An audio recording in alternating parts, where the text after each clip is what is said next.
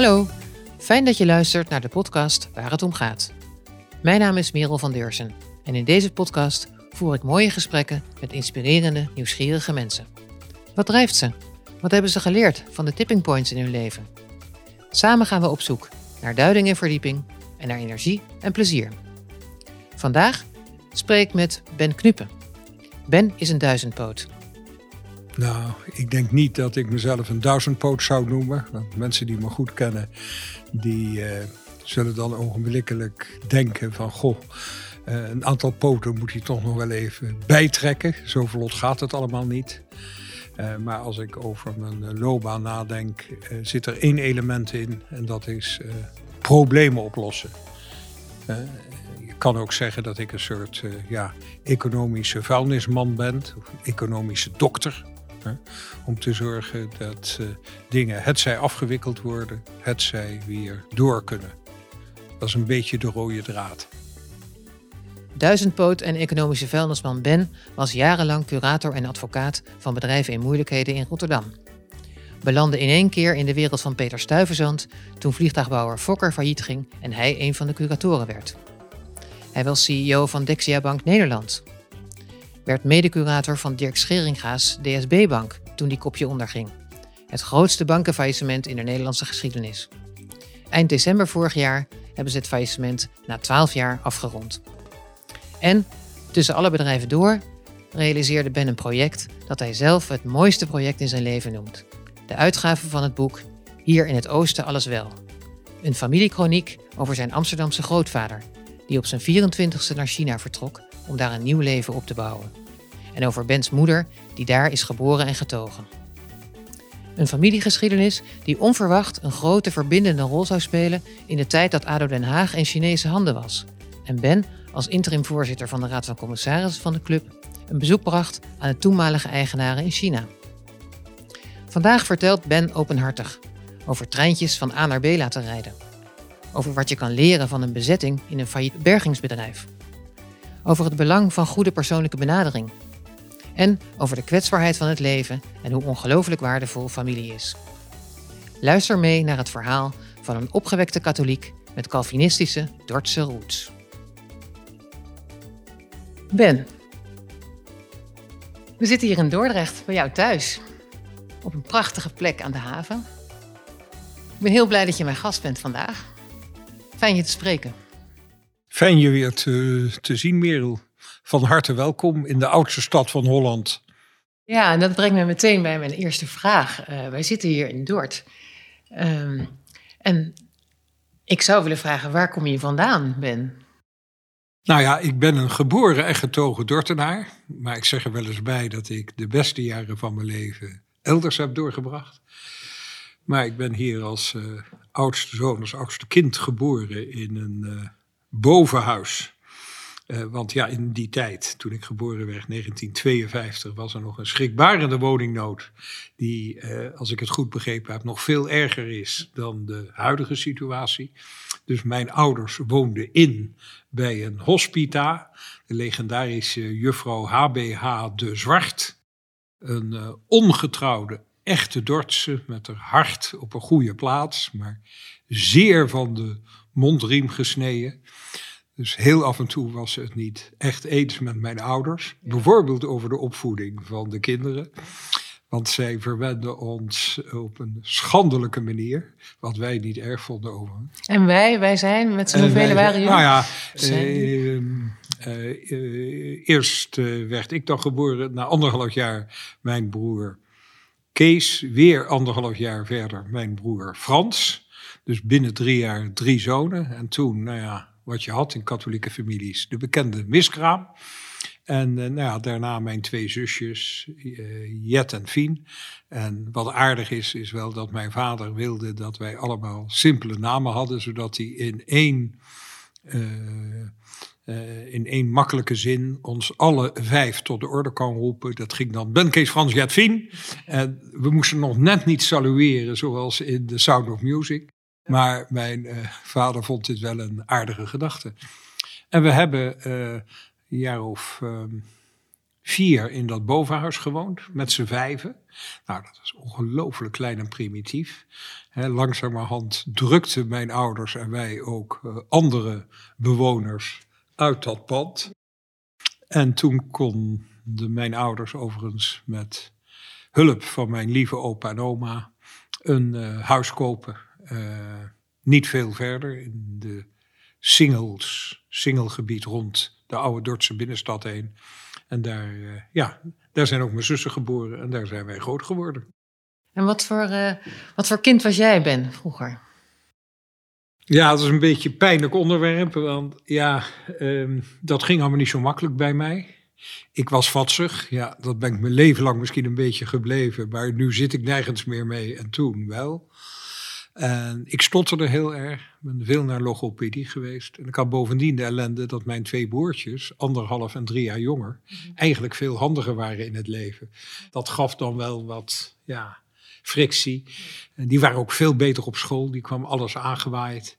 Dus ja, ik heb echt een beetje moeten ploeteren die jaren om mij staande te houden ten opzichte van de jongere siblings. Ja, en als je eens terugdenkt aan dat, uh, dat kleine jongetje van toen. Um, wat antwoordde jij vroeger als kind als ze jou vroegen: Ben, wat wil je later worden als je groot bent?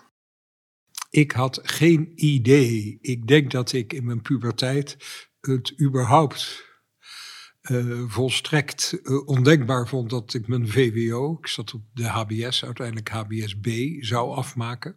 Uh, zover dacht ik helemaal niet vooruit. En ik kan me niet herinneren dat ik ooit gezegd of gedacht heb: laat mij maar brandweerman worden. Of Formule 1-coureur. Dat kan ik me niet herinneren.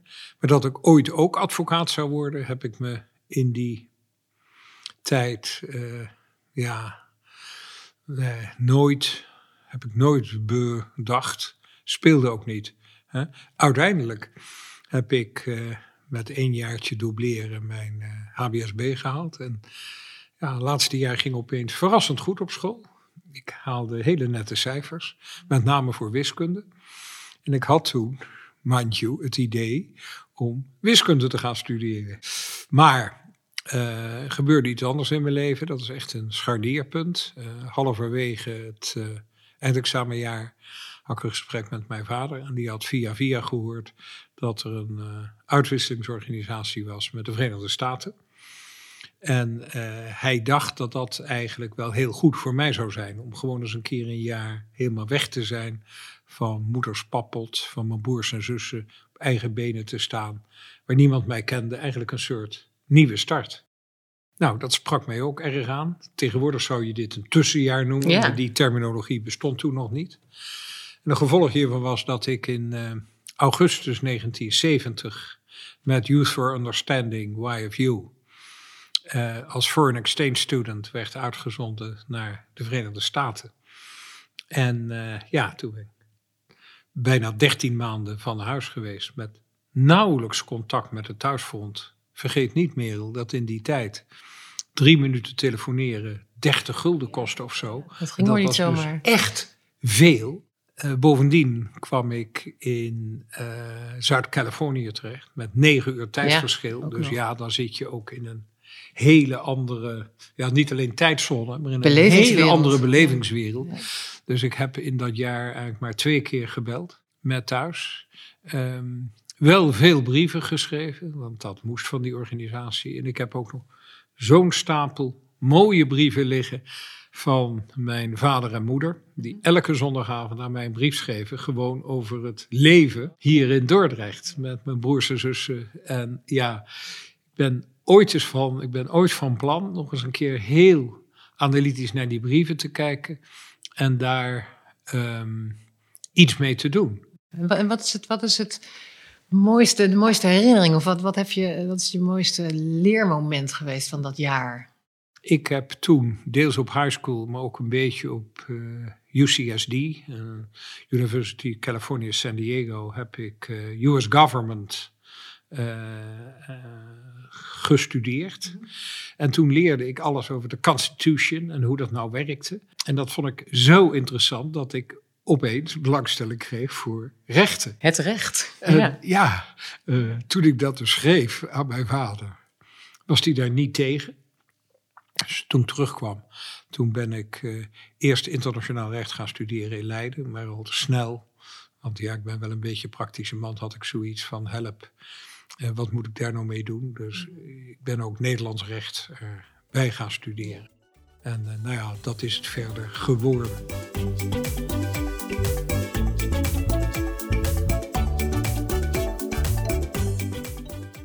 En stel nou, Ben, ehm, dat je nu bij een dineetje bent.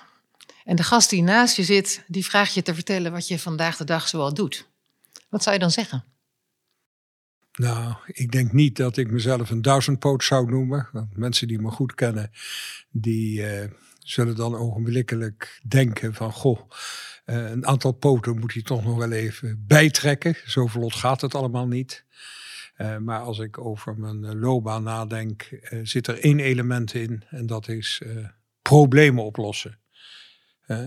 Je kan ook zeggen dat ik een soort ja, economische vuilnisman ben. Of een economische dokter.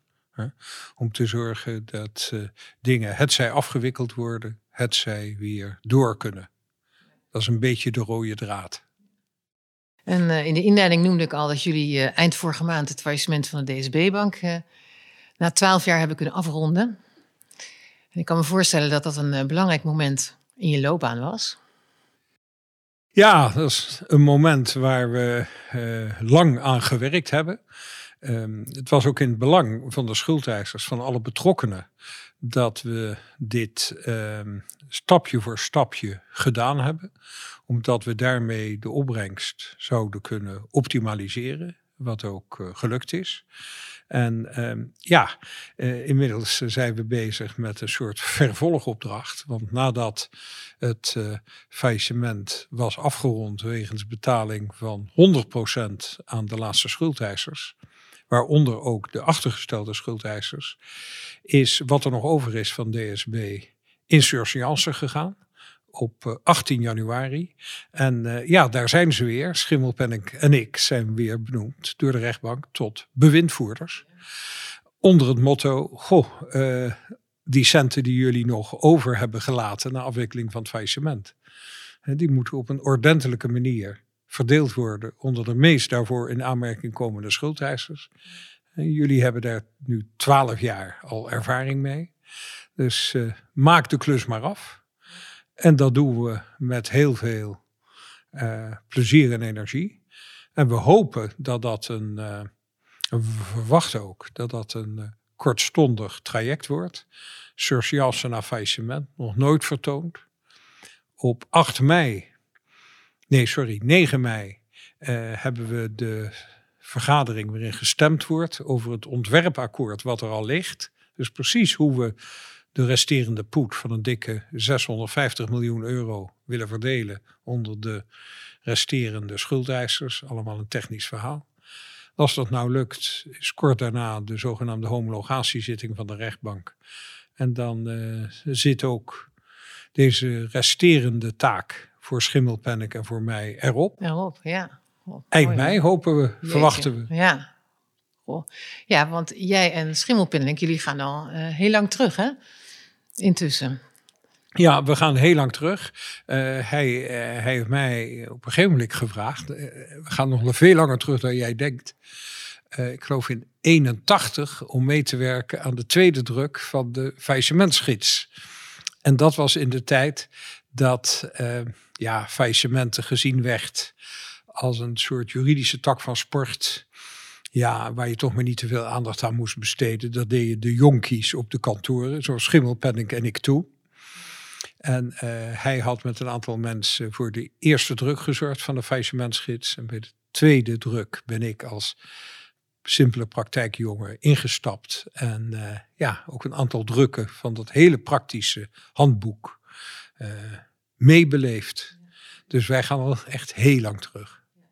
En jullie hebben samen het Fokker-faillissement gedaan. Ja, eh, dat waren eh, acht bijzondere jaren, 1996 tot 2004. acht jaar. Ook daarin hebben we uh, 100% kunnen uitkeren aan de schuldeisers. Niet op holdingniveau, dus obligatiehouders zijn wel tekort gekomen. Maar de gewone schuldeisers, toeleveranciers, die hebben allemaal netjes de 100% gehad. Ja, en dat was echt uh, aan de kant heel triest werk, ook gezien de massa-ontslagen die, daaraan, uh, die daarmee gepaard gingen. Maar het was vaktechnisch opeens voor mij toch een beetje de Peter Stuyvesant-wereld. En ik heb uh, echt hele goede herinneringen aan die uh, fokkerjaren. En uh, ik kan me voorstellen dat jullie ook een, een bijzondere band hebben opgebouwd langzamerhand. Kan je dat nou vriendschap noemen? Ja, uh, ja uh, vanochtend hebben we nog uitgebreid aan tafel gezeten. En uh, ja, we hebben dan ook zeker over onze levens buiten het werk. En we proberen beide ons best te doen daar steeds meer ruimte voor te krijgen. en ja, nee, zeker. Als dit geen vriendschap is, weet ik het niet. Maar wel een bijzondere vriendschap. Um, een ja, aardig an anekdotisch verhaal wat ik wel durf te vertellen. We werken nog steeds heel veel samen met zijn oude kantoor, Houthof Amsterdam. Uh, die nu ook DSB in de surseance ondersteunt. En uh, een van de jongeren van Houthof, die ons als duo een aantal maanden heeft gadegeslagen, heeft ooit een keer in een overmoedige bui gezegd. Toen hij dat gezegd had, kreeg hij daarna meteen een rode kop. Van, goh, jullie lijken net een soort kibbelend echtpaar. jullie jullie uh, zijn het ongescheidelijk over heel veel dingen eens. Maar aan het einde van de bespreking en een kop koffie verder, uh, jullie, zitten jullie weer volledig op één lijn. Maar is het resultaat wel uh, beter geworden? En ik denk dat dat belangrijk is in een zakelijke samenwerking. Dat je ja, vrijuit denkt, vrijuit praat, ook naar elkaar luistert, elkaar corrigeert. En zorgt dat uiteindelijk het resultaat verbetert. En dat hebben wij.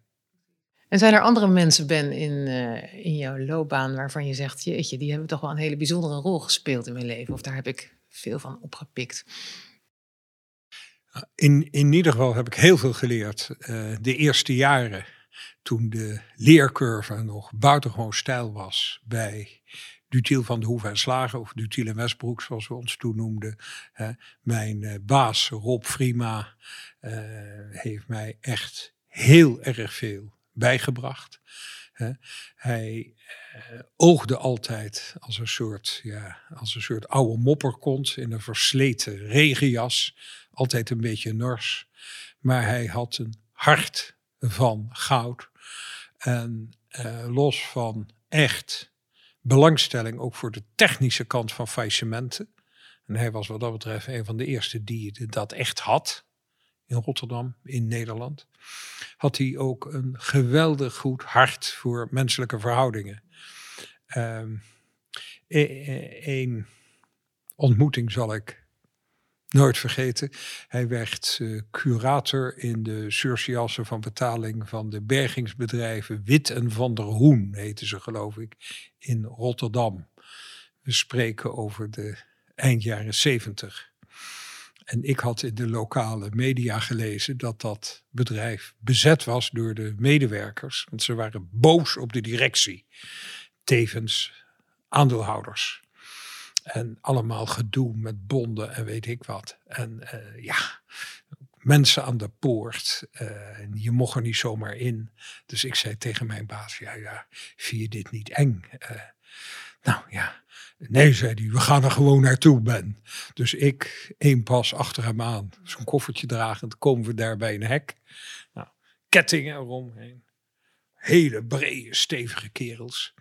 En dan zegt Frima in zijn verschoten regias: Hé hey jongens, ik ben door de rechtbank gestuurd, mag ik naar binnen?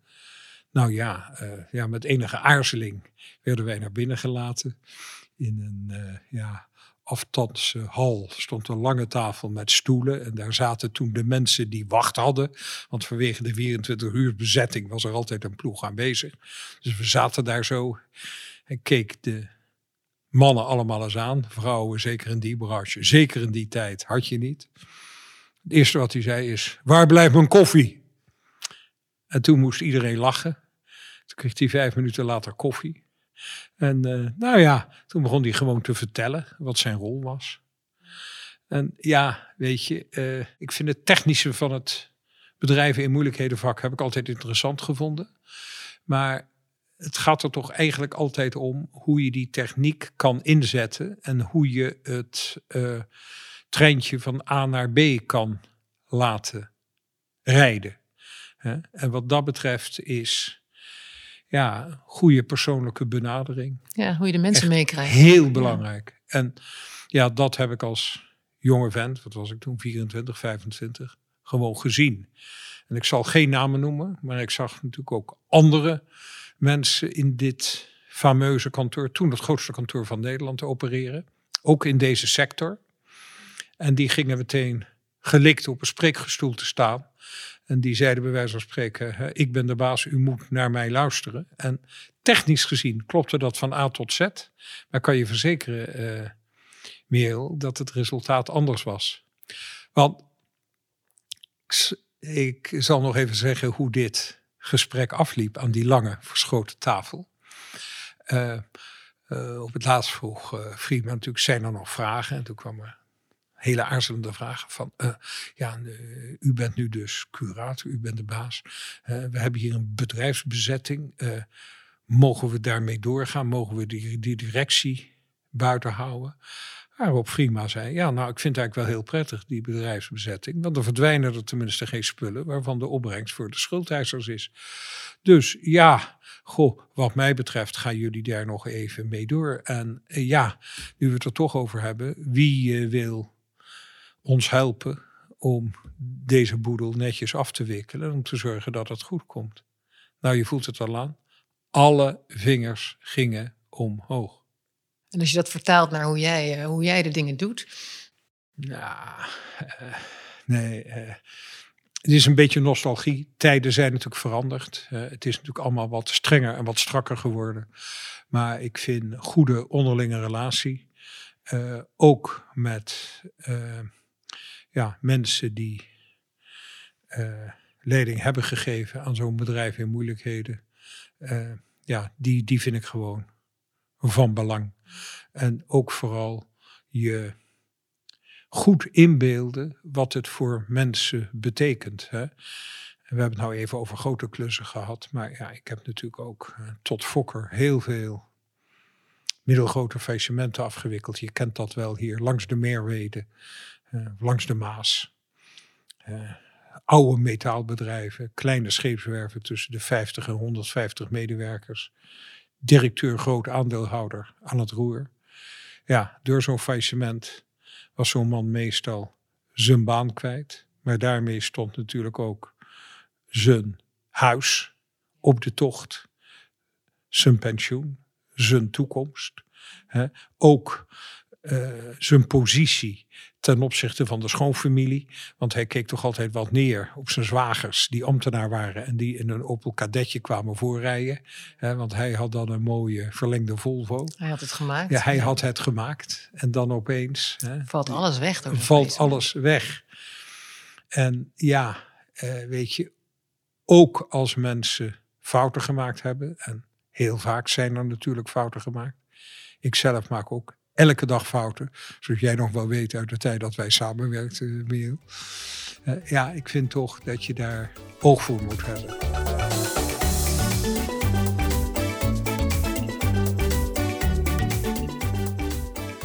En als je nu uh, ook eens even terugkijkt, wat je zei, dit jaar Amerika was een, een kantelpunt in mijn leven. Zijn er andere tipping points in je leven geweest die misschien uh, de balans wat hebben veranderd? Kantelpunt was helaas 1988, toen mijn uh, lieve zus Fien, die zich inmiddels Fine was gaan noemen, haar puberale tijd. Fien vond ze te simpel. En die jong advocaat was bij Boekel. Ehm, samen met haar uh, vriend, verloofde, Gilles de la Haise, die bij KLM werkte. Even op vakantie ging naar Peru. Want omdat Gilles bij KLM werkte, kon dat voor een appel en een ei, voor een paar gulden. En uh, ja, nou, daar heeft dat jonge stel ook uh, vrij onbesuist. Maar niet ongebruikelijk in die tijd, laat ik dat er meteen bij zeggen. Besloten dat ze de Machu Picchu Trail gingen lopen. En ja, dat is hun naar achteraf bleek fataal geworden, omdat ze op de laatste dag met bijna Machu Picchu in zicht zijn vermoord. Om dat beladen woord maar even te noemen. En ja, ook in die tijd, 1988, was de communicatie heel anders dan tegenwoordig. Dus we kwamen er eigenlijk achter, tien dagen later, toen uh, ze niet op Schiphol terugkeerden. En mijn zusje moest een tentamen doen voor de beroepsopleiding. Ze kwam niet aanzetten. Niks voor dat haar was, was. niks voor haar, want ze was zo blij dat ze na tijd werken voor de ombudsman uh, die baan had. En dat ze in Amsterdam in de advocatuur zat. Ze was gewoon fanatiek en ja, was niks voor haar.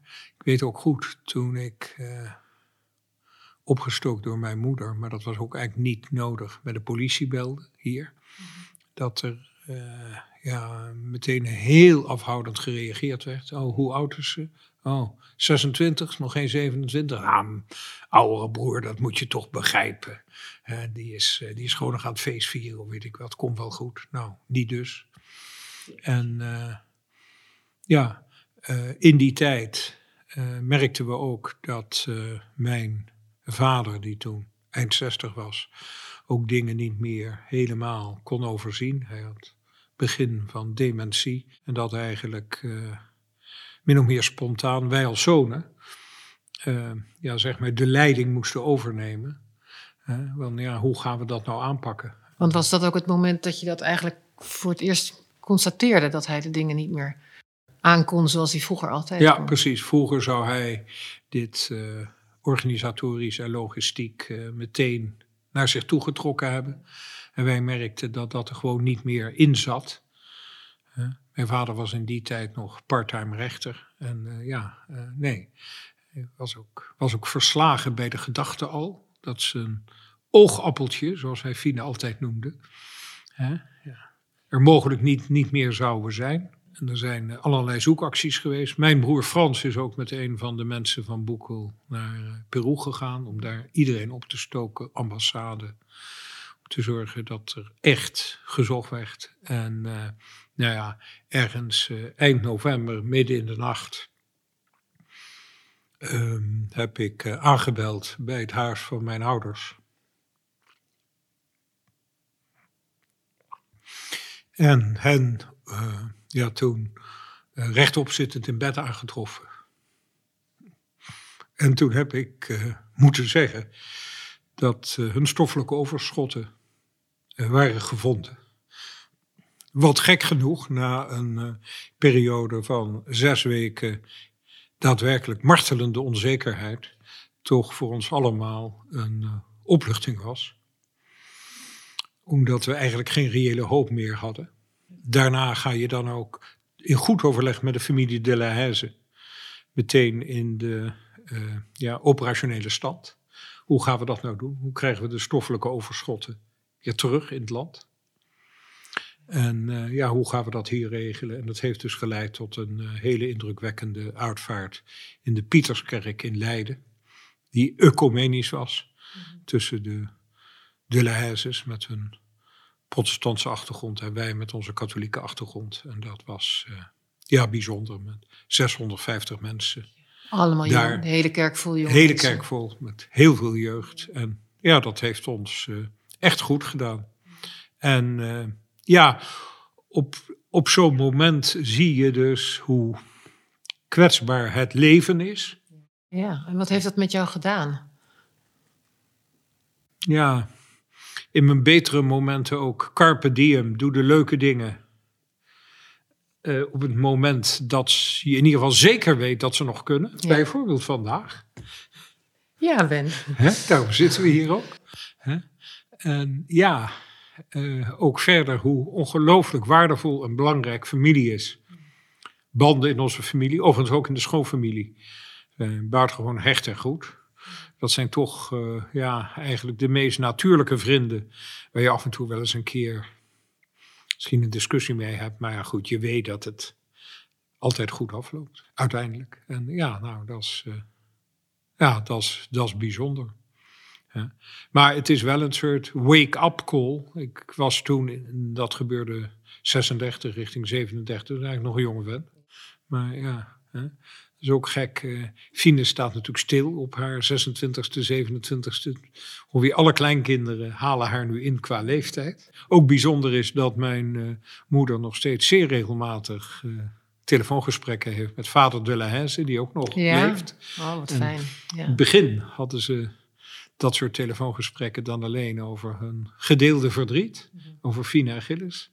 Tegenwoordig praten ze juist over de kinderen die nog leven, hoe het ermee gaat en over het leven in het algemeen. En oh ja, ook nog even over Gilles en Fine. Ja. Maar dat vind ik ook gewoon heel mooi, hoe dingen dan toch een goede plek kunnen krijgen.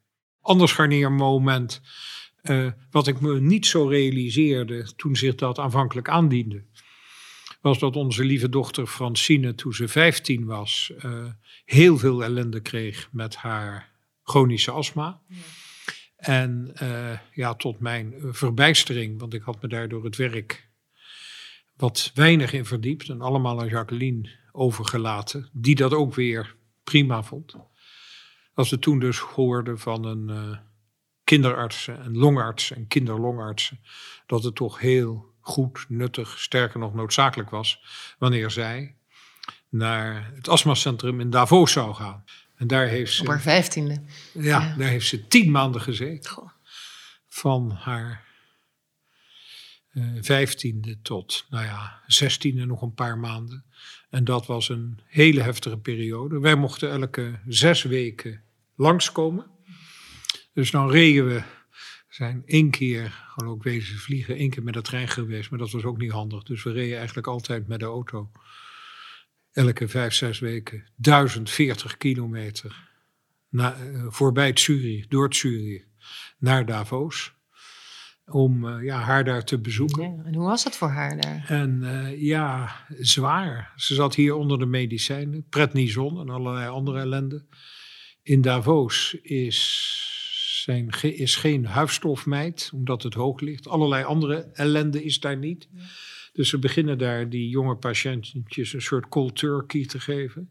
Helemaal af van de medicijnen, kijken hoe het gaat. Goh. En dat was wel, dat was wel Ach, God, ja, ja. ingewikkeld, confronterend.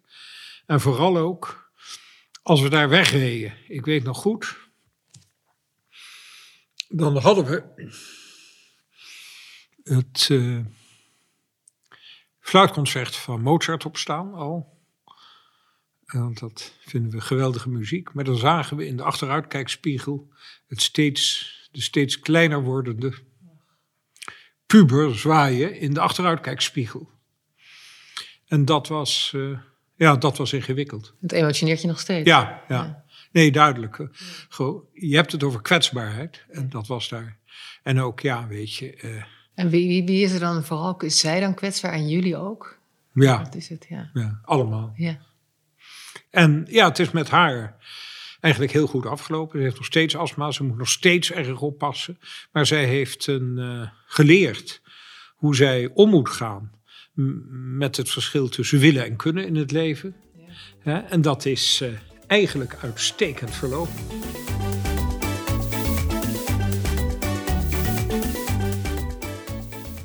Ik heb je gevraagd om iets mee te nemen naar dit interview.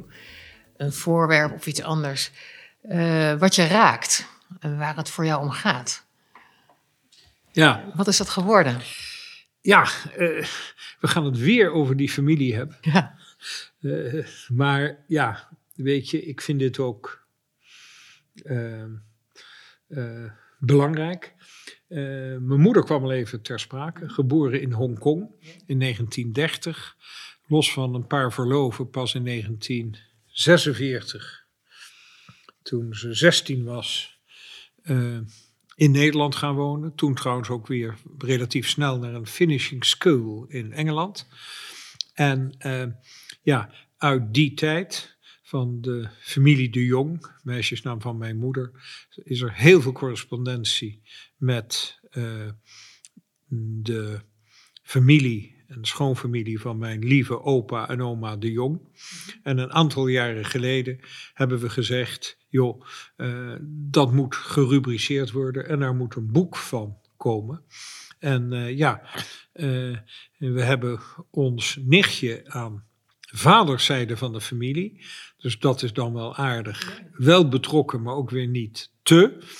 Uh, Mieke Melief, bereid gevonden om al die brieven en al die documenten en al die fotoboeken door te nemen. En dat heeft geresulteerd in een heus mooi boek, wat ik hier voor me heb liggen en wat ik jou ook cadeau gaf. Het ziet er heel mooi uit, prachtig Hier mooi in het oosten alles wel. Officieel boek met een ISBN-nummer.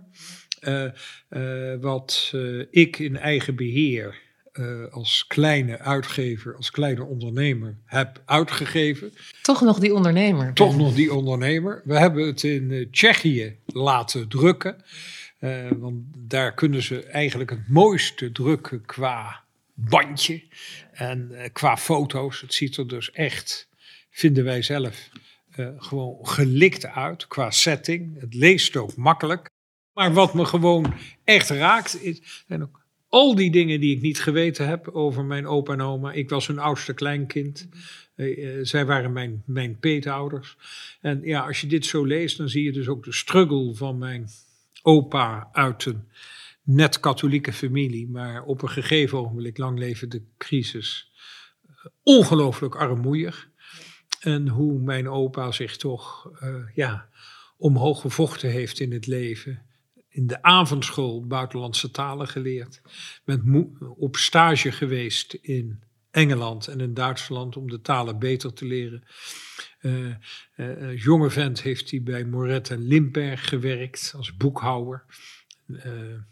met, niet echt, met niet echt veel vreugde, want daar werd hij redelijk afgebeuld. En ja, als je dan ziet hoe zo'n leven zich voltrekt en hoe hij op het laatst ook uh, toch ook heel ja, minzaam en tevreden met mijn oma terugkeek op het leven. Want hij heeft het gewoon heel goed gedaan, weet je. En ja, toen dit boek uit was, toen had ik echt zoiets van: wauw, er staan heel veel dingen in die ik niet wist. Maar er staan nog veel meer dingen in die de kleinkinderen de achterkleinkinderen van mijn moeder zich niet realiseerden. En dat deze petit l'histoire ook met op de achtergrond uh, ja, de hele wereldgeschiedenis van Japan, China, hè, ook uh, ja, het kamp, interneringskamp van de Japanners in China, waar mijn moeder 2,5 jaar in heeft gezeten. Ja, hoe dat allemaal belicht is, ja, dat, dat vind ik toch gewoon heel bijzonder. Mijn moeder is ook uh, uitgebreid op de radio geweest. Uh, OVT, onvoltooid verleden tijd, op zondagochtend. Uh, mijn nichtje en heeft ook veel lezingen hierover gehouden. We hebben ook een mooie website die hetzelfde heet als het boek. Hier in het oosten alles wel. En ik geef dit boek ook ja, cadeau, door als relatiegeschenk. Onder het motto, dan snappen mensen tenminste een deel van mijn DNA, een deel van mijn karakterstructuur. Ja. En ik heb ook eh, de, de, de haardos nog van mijn uh, opa. Hè. De kant van mijn vader wordt iedereen kaal. Maar dat is, uh, ja, dat overkomt mij niet.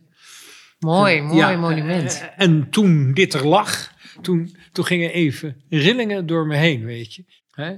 Ik heb ook deze boeken um, uh, opgestuurd naar de Nederlandse ambassade in Beijing.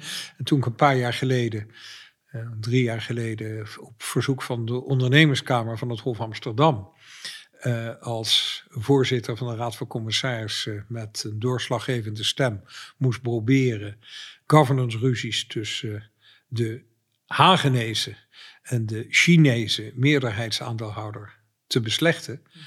Toen heb ik deze boeken ook twee keer meegenomen naar China heb ze daar ook uitgedeeld aan de very high persons achter de Chinese aandeelhouders. om ook te beklemtonen de zeg maar, historische band tussen mijn familie en China. Heel klein beetje afgeven op uh, de Japanners. Dat doet het daar heel goed in die cultuur. En ja, het klinkt wat overdreven. Hoewel ze natuurlijk geen letter konden lezen. Ze begrepen de plaatjes. Ze begrepen door de tolken het grote verhaal. En ik werd omarmd. Het en via de tolken kreeg ja. ik te horen... Well, Ben, practically you are our brother. Ah. En dat heeft er toch toe geleid dat in ieder geval in die fase eh, ik weer afscheid kon nemen van ADO en daar de zaak eh, ja, redelijk in balans kon achterlaten. Dat het daarna ook eh, weer allerlei redenen tot nu toe weer even mis is gelopen. Heeft in ieder geval niet, dat wil ik toch nog wel even zeggen, zo ijdel ben ik, ben ik wel, met mijn interventie te maken. Maar zo zie je dat zo'n boek Heel verbindend. onverwacht, werkt, onverwacht toch ook weer op een hele andere manier eh, dan terugkomt in je leven.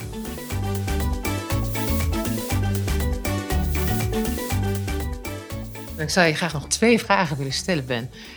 Wat zou je de volgende generatie willen, willen zeggen? Wat, eh, wat, wat zou je ze willen meegeven?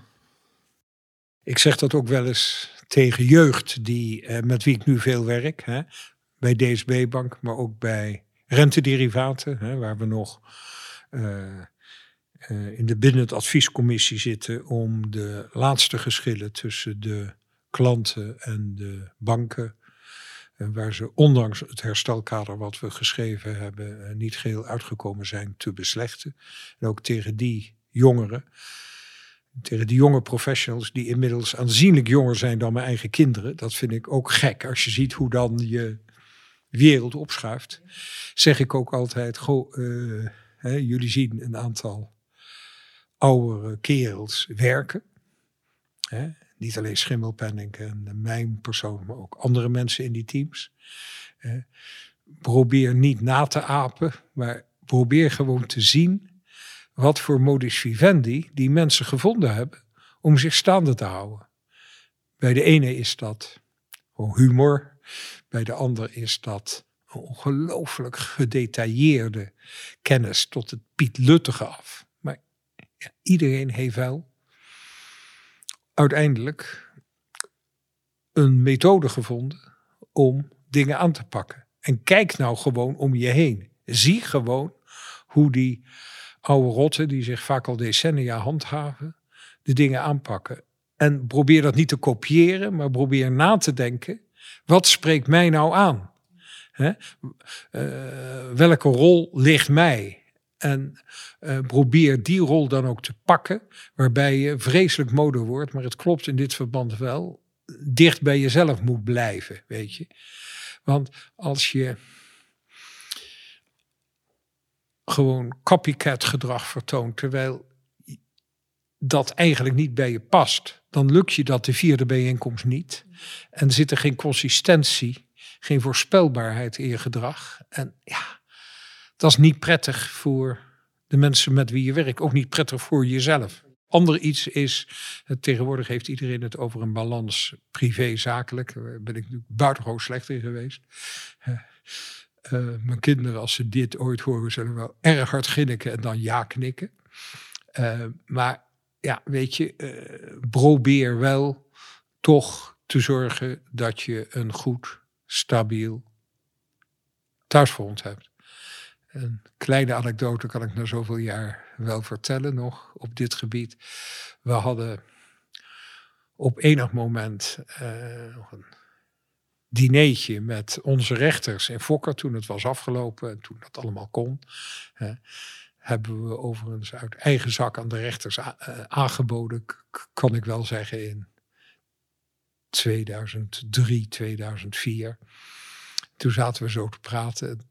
We waren met z'n vieren. Toen stelde een van ons de brutale vraag aan de rechters: van goh, waarom zijn wij nu eigenlijk gekozen tot curatoren. Want iedereen wilde in ons métier natuurlijk dolgraag curator zijn van dit faillissement.